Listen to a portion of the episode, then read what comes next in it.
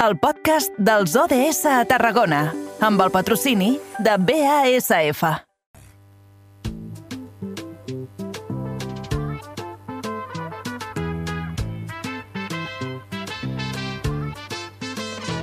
A poc a poc vull trobar la manera I com els dèiem en l'inici, ens sentem la darrera horeta de programa parlant dels ODS, els Objectius de Desenvolupament Sostenible. Avui ens centrem en l'ODS número 4, que ens parla d'una educació de qualitat. Això per què? Perquè aquest dilluns vam conèixer que l'Escola Lentina de Torredembarra ha quedat finalista i ha obtingut una menció especial en els premis Los ODS en los centros educativos. I justament avui ens acompanya la directora del centre, Isabel Escobar. Bona tarda i moltíssimes gràcies per acompanyar-nos. Bona tarda, bona tarda a tots. Gràcies per convidar-me. Isabel, com ha estat aquesta experiència dintre dels Premis Los ODS en los centres educatius? Doncs la veritat és que ha estat una grata sorpresa, perquè nosaltres al mes d'agost vam rebre bueno, aquest, aquest anunci de concurs i d'una manera així molt humil vam dir, bueno, presentem-nos, però segurament, com que és molt internacional i es presenten més de 20 països, bueno, allò que penses, no? D'un poble, no?, de Torredembarra. Doncs, eh, bueno, simplement ho presentem i ja està.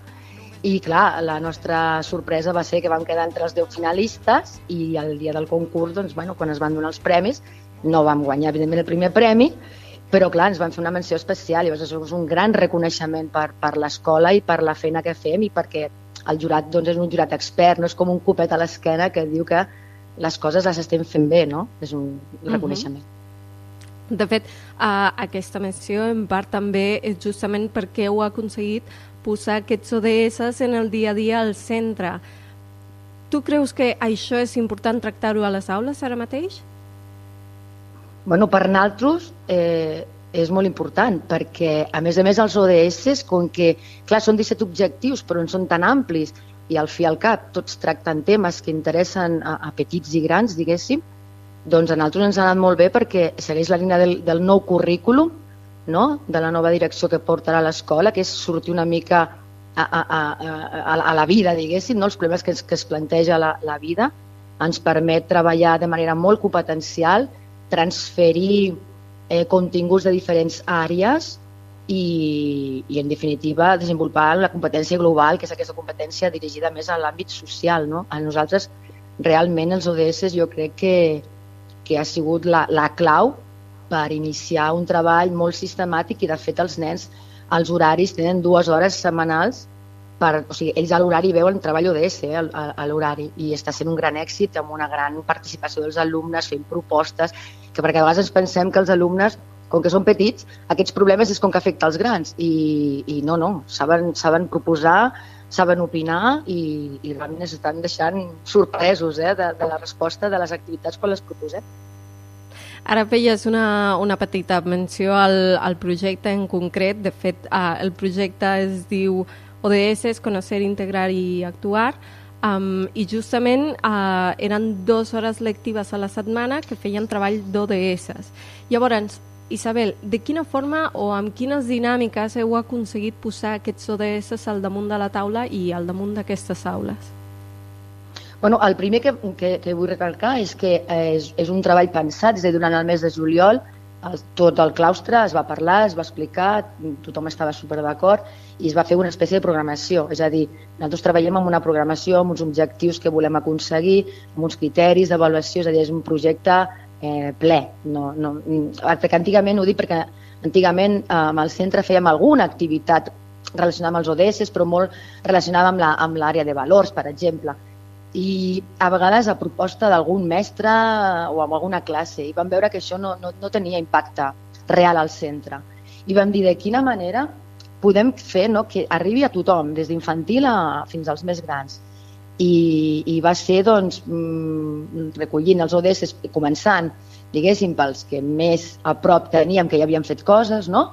I, i les propostes són propostes molt, molt competencials, molt globalitzades i sempre intentem acabar a, a implicant també a les famílies. És a dir, Quan sempre dius... acabarem... La...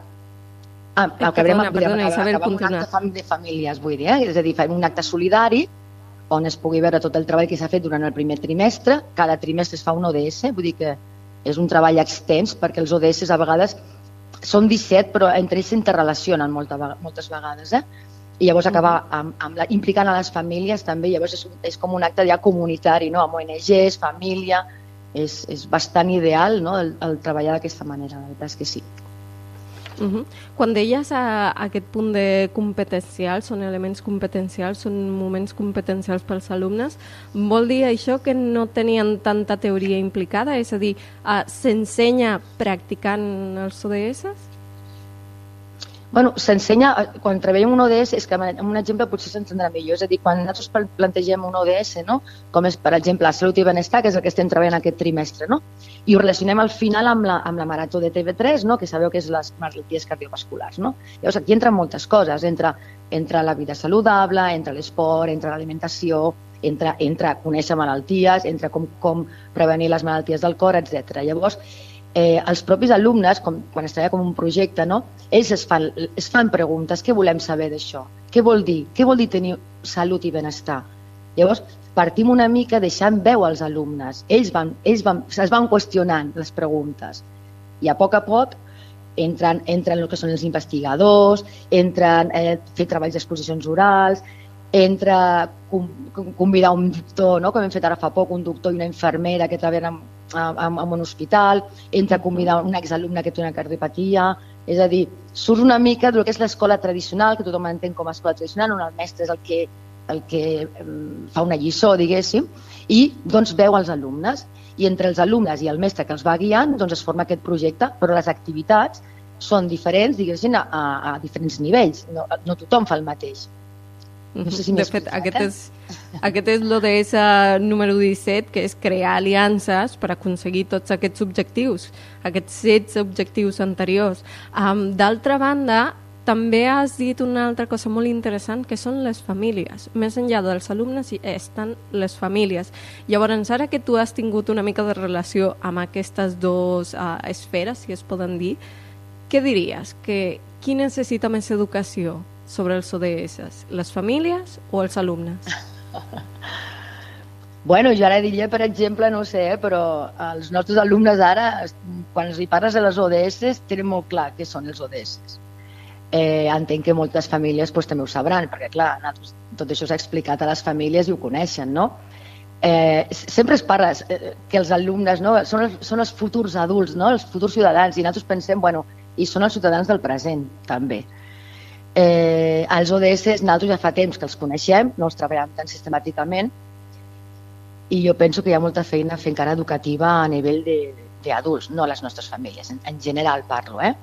Si féssim una enquesta uh -huh. per, per un carrer i preguntés què són els ODS, bueno, ja no sé si ha arribat encara a la ciutadania aquest compromís no? de, de, de fer alguna cosa, no? perquè podem fer coses, perquè són reptes que els veiem molt universals i molt, i molt grans, però si s'aferrem uh -huh. a aquesta idea de que muchos poquitos hacen un muchito, una vegada vaig sentir i em va encantar, és a dir, petites accions, no? Clar, petites accions, ostres, poden moure moltes coses. Llavors a l'escola el que estem fent és aquesta idea, fem petites cosetes que poden moure moltes coses, no? I començant coneixent-los, els ODS, els coneixem, els integrem, som conscients de què sabem, llavors podem actuar i actuem com? Pues mira, jo què sé, pues això, recollint diners per la, per la marató, fent una marxa solidària, que farem una marxa solidària, eh, m'enteneu? O sigui, petites accions que van fent potser una taca d'oli, no? i amb petites uh -huh. accions fem unes... Bueno, al final es converteix en una gran acció, de, evidentment des de, des, del, des de el que podem fer nosaltres, eh? perquè ja no... Entenem que aquí els polítics no?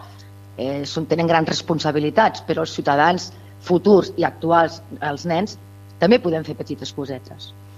Petites coses per moure tot un futur. Uh, queda dit. Moltíssimes gràcies, Isabel Escobar, directora de l'Escola Lantina de Torredembarra. Crec que és aquí on ho hem de deixar i esperem de nou escoltar més, uh, més notícies com aquestes dels centres d'aquí del territori. Enhorabona per aquesta menció especial i enhorabona per tota la feinada que esteu fent. Moltíssimes gràcies per participar en el programa.